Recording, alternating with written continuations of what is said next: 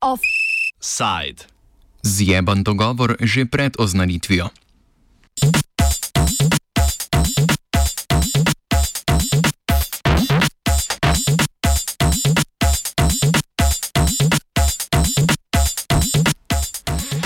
V skladu z več desetletji dolgo tradicijo je ameriški predsednik Donald Trump pred iztekom mandata predstavil mirovni načrt za Bližnji vzhod, natančneje za rešitev izraelsko-palestinskega konflikta. Predlog, ki ga je Trump v navzočnosti izraelskega premijeja Benjamina Netanjahuja imenoval Dogovor stoletja in Zmaga za Izrael in Palestino, je bil takoj zavrnjen z palestinske strani. Palestinski predsednik Mahmud Abbas je kaj kmalo dejal, da bo načrt končal na smetišču zgodovine, Hamas pa je načrt označil kot poskus uničenja pravic palestincev. Načrt legalizira okupacijo in aneksijo, medtem ko ne upošteva nobene izmed konsistentnih palestinskih zahtev in na področjih meja, vojske in vprašanja statusa Jeruzalema ustrezale Izraelu. V današnjem offsajdu tako o ameriškem predlogu, palestinski zavrnitvi in drugih odzivih ter vplivu na izraelsko notranjo politiko.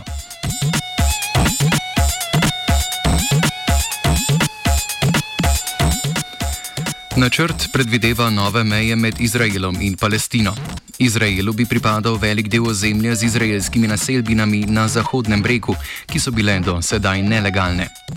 S tem načrt potrjuje nedavno izraženo stališče ameriškega notranjega ministrstva o legalnosti teh naselbin. Dogovor bi le zamrznil gradnjo teh naselbin za štiri leta, v katerih naj bi Palestina in Izrael dosegli natančno razdelitev meja. Načrt predvideva, da bi se ozemlje bodoče Palestine zmanjšalo, ozemlji Zahodnega brega in Gaze pa bi povezoval tunel.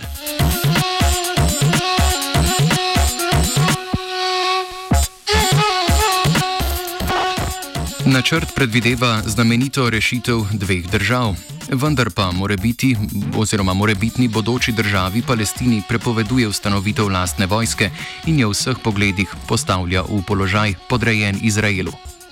Prav tako pregnanim ne omogoča pravice do vrnitve, ene izmed ključnih palestinskih zahtev. Po tej zahtevi bi 7 milijonov palestincev, ki so trenutno begunci v sosednjih državah, imelo pravico do vrnitve v svoje domove, odkuder so zbežali ob ustanovitvi judovske države po drugi svetovni vojni in med številnimi oboroženimi spopadi, ki so sledili ter ponavadi rezultirali v nadaljni izraelski ekspanziji. Večina mesta Jeruzalem bi, po načrtu sodeč, postala prestolnica Izraela, medtem ko naj bi na vzhodnem obrobju mesta zgradili vzhodni Jeruzalem kot prestolnico Palestine.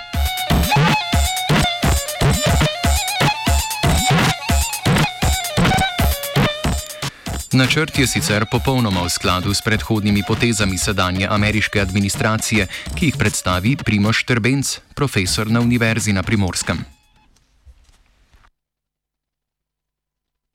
Ta tako imenovan mirovni načrt nikakor ni pravi mirovni načrt, gre za kvazi mirovni načrt, gre lahko rečemo celo za neko norčevanje iz mednarodne skupnosti oziroma iz vseh ekspertov za izraelsko-palestinski konflikt oziroma pravzaprav iz vsakogar, ki saj nekoliko pozna razmere v, na palestinskih okupiranih ozemljih. Jaz ne bi rekel, da je ta predstavitev tega kvazi načrta zgolj želja pomagati Netanjahuju, ampak gre pravzaprav za nek neko logično posledico stanja, ko ameriška administracija pod Donaldom Trumpom ne nehno vleče proizraelske poteze.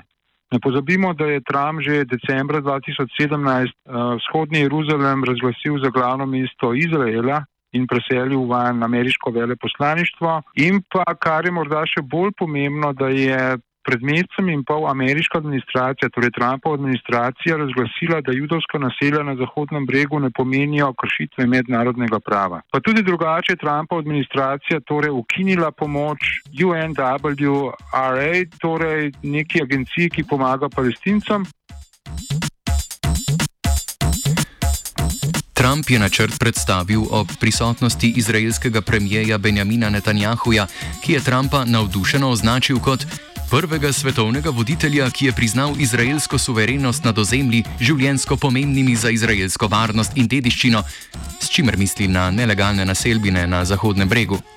O tem, ali je bil ameriški predlog spisan z namenom politične podpore Netanjahuju pred marčevskimi volitvami, Primo Štrbenc. Torej, ta načrt, ki je pravzaprav tak, kot da bi ga naredili v samem Izraelu in je posem proizraelski, je torej logična logično nadaljevanje neke posem proizraelske politike te administracije. Če pa zraven seveda Donald Trump pomaga še Benjaminu Netanjahu, potem je pa to verjetno še nek dodatni element.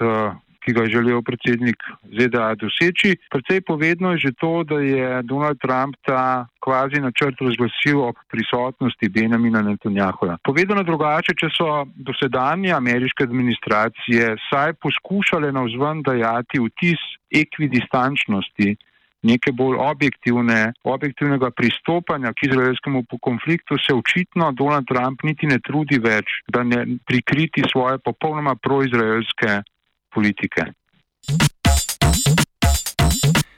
Netanjahuja čakajo še tretje volitve v enem letu, nad njim pa vse skozi visijo politični in korupcijski škandali. Koliko pa lahko Trumpova podpora sploh koristi Netanjahuju? Trump vsekakor želi pomagati Benjaminu Netanjahuju v zelo težki situaciji, ko Netanjahuju tudi izraelski parlament ne bi in mu tudi ne bo več. Odobril imunitete. Nisem pa prepričan, da bo to Netanjahuju zelo pomagalo, kajti v bistvu je izraelsko-palestinska tematika v samem Izraelu postala pravzaprav tretja razredna. Izraelci so do sedaj že pravilno ugotovili, da je ta stvar več ali manj zalučena ad acta, da palestinska država ne more zares nastati, zato se odločajo, torej se jim zdijo najpomembnejši neki drugi elementi, ekonomija, širša varnost nasproti Iranu in tako naprej. Predlog je tako obsojen na neuspeh na Bližnem vzhodu, vendar pa ima lahko pozitivne politične posledice za predsednika Trumpa. Republikanski voljivci namreč tradicionalno podpirajo izraelske zahteve in ignorirajo palestinske. Republikanska podpora Izraelu je v zadnjih desetletjih narasla, medtem ko so voljivci demokratov manj zagreti za podporo Izraelu. Štrbenc o povezavi med podporo Izraelu in uspehu predsednikov na volitvah za drugi mandat. Pa še nekaj bi omenil, da Donald Trump se vsekakor zaveda tudi tega, da še noben ameriški predsednik, ki, ki je nasprotoval politiki Izraela, ni bil izvoljen v drugi mandat. Govorimo o Jimmyju Carterju, ki je prvi začel aplicirati mednarodno pravo na izraelsko-palestinski konflikt, pa leta 1980 ni bil izvoljen v drugi mandat. In govorimo o Georgeu Bushu starejšem, ki izraelskemu premijeju Iceku Šamirju leta 1900. 93 ni hotel dati 10 milijard dolarjev posojil za gradnjo judovskih naseljen, naselij za sovjetske jude, ki so prihajali v Izrael, pa tudi kljub zmagi v zalivskem viharju ni bil izvoljen.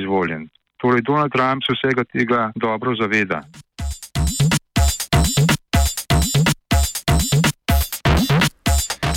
Zauzeti del republikancev, ki podpira izraelske interese in je posledično zvest podpornik predsednika Trumpa, je evang evangeličanski.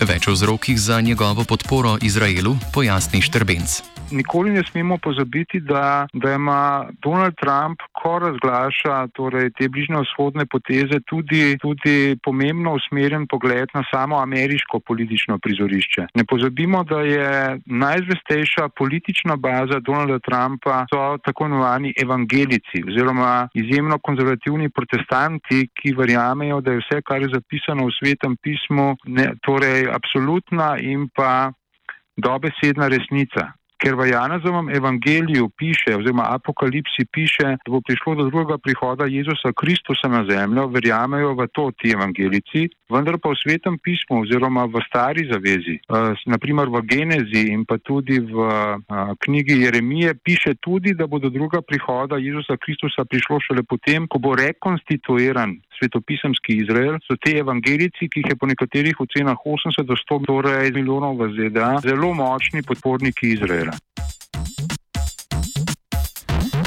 Načrt je bil zasnovan izrazito enostransko, saj se njegov snovalec in Trumpov zet Jared Kushner med nastajanjem vizije za mir sploh ni posvetoval s palestinskimi voditelji. Posledično so ti, zavrni, so ti načrt zavrnili še pred njegovo predstavitvijo in na to tudi takoj po razglasitvi.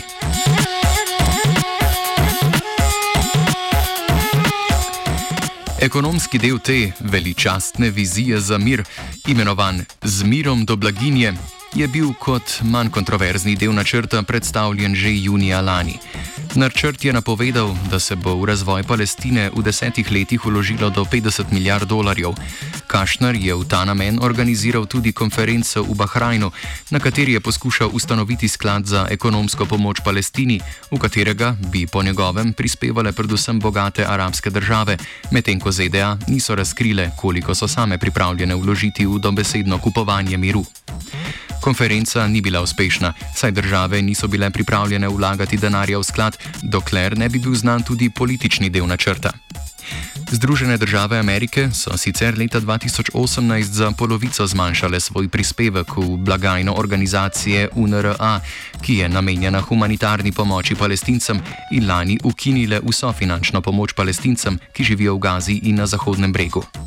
Štrbenc o pomankljivostih in zgrešenih predpostavkah ekonomskega načrta ameriške vlade.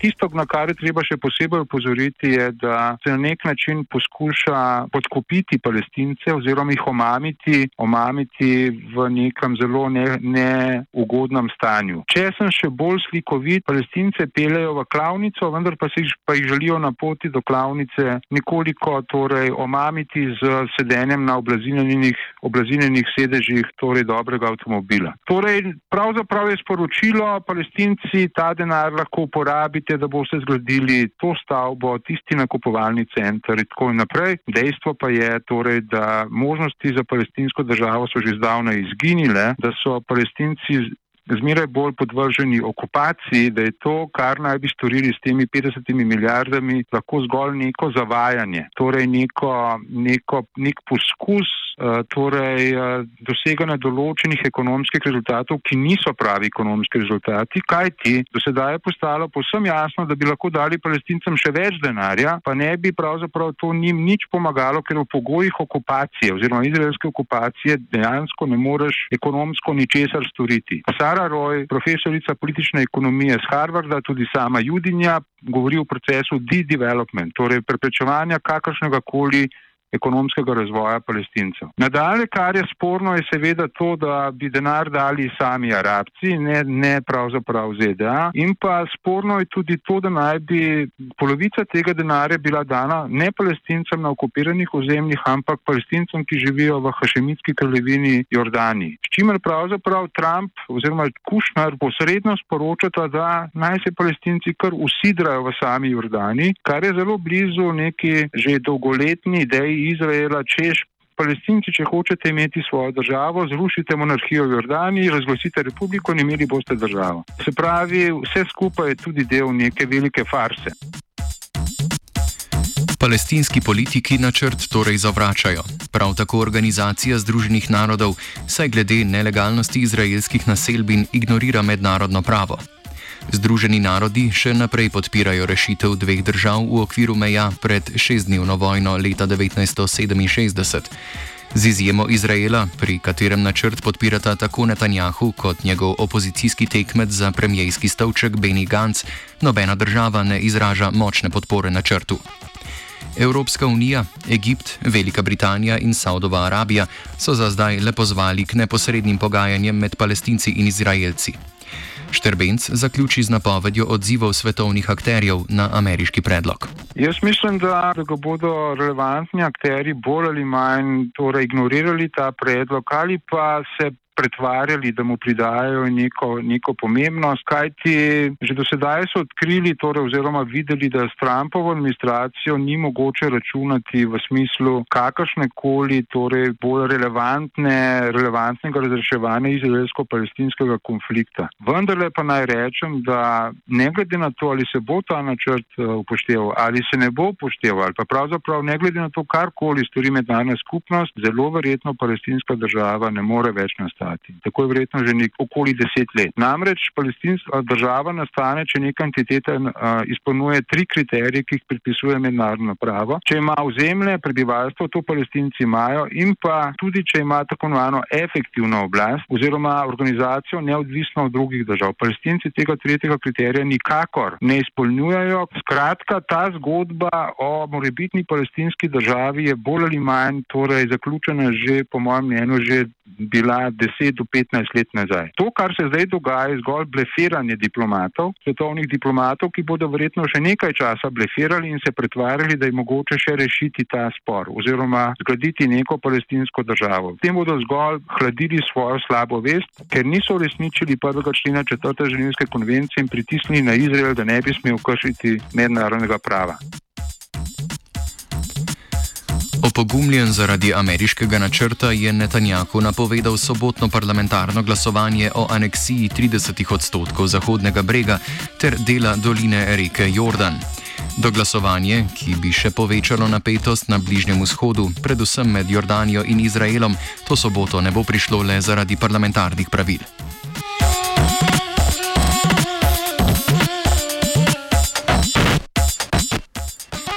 Propadli dogovor stoletja je opisala Geja.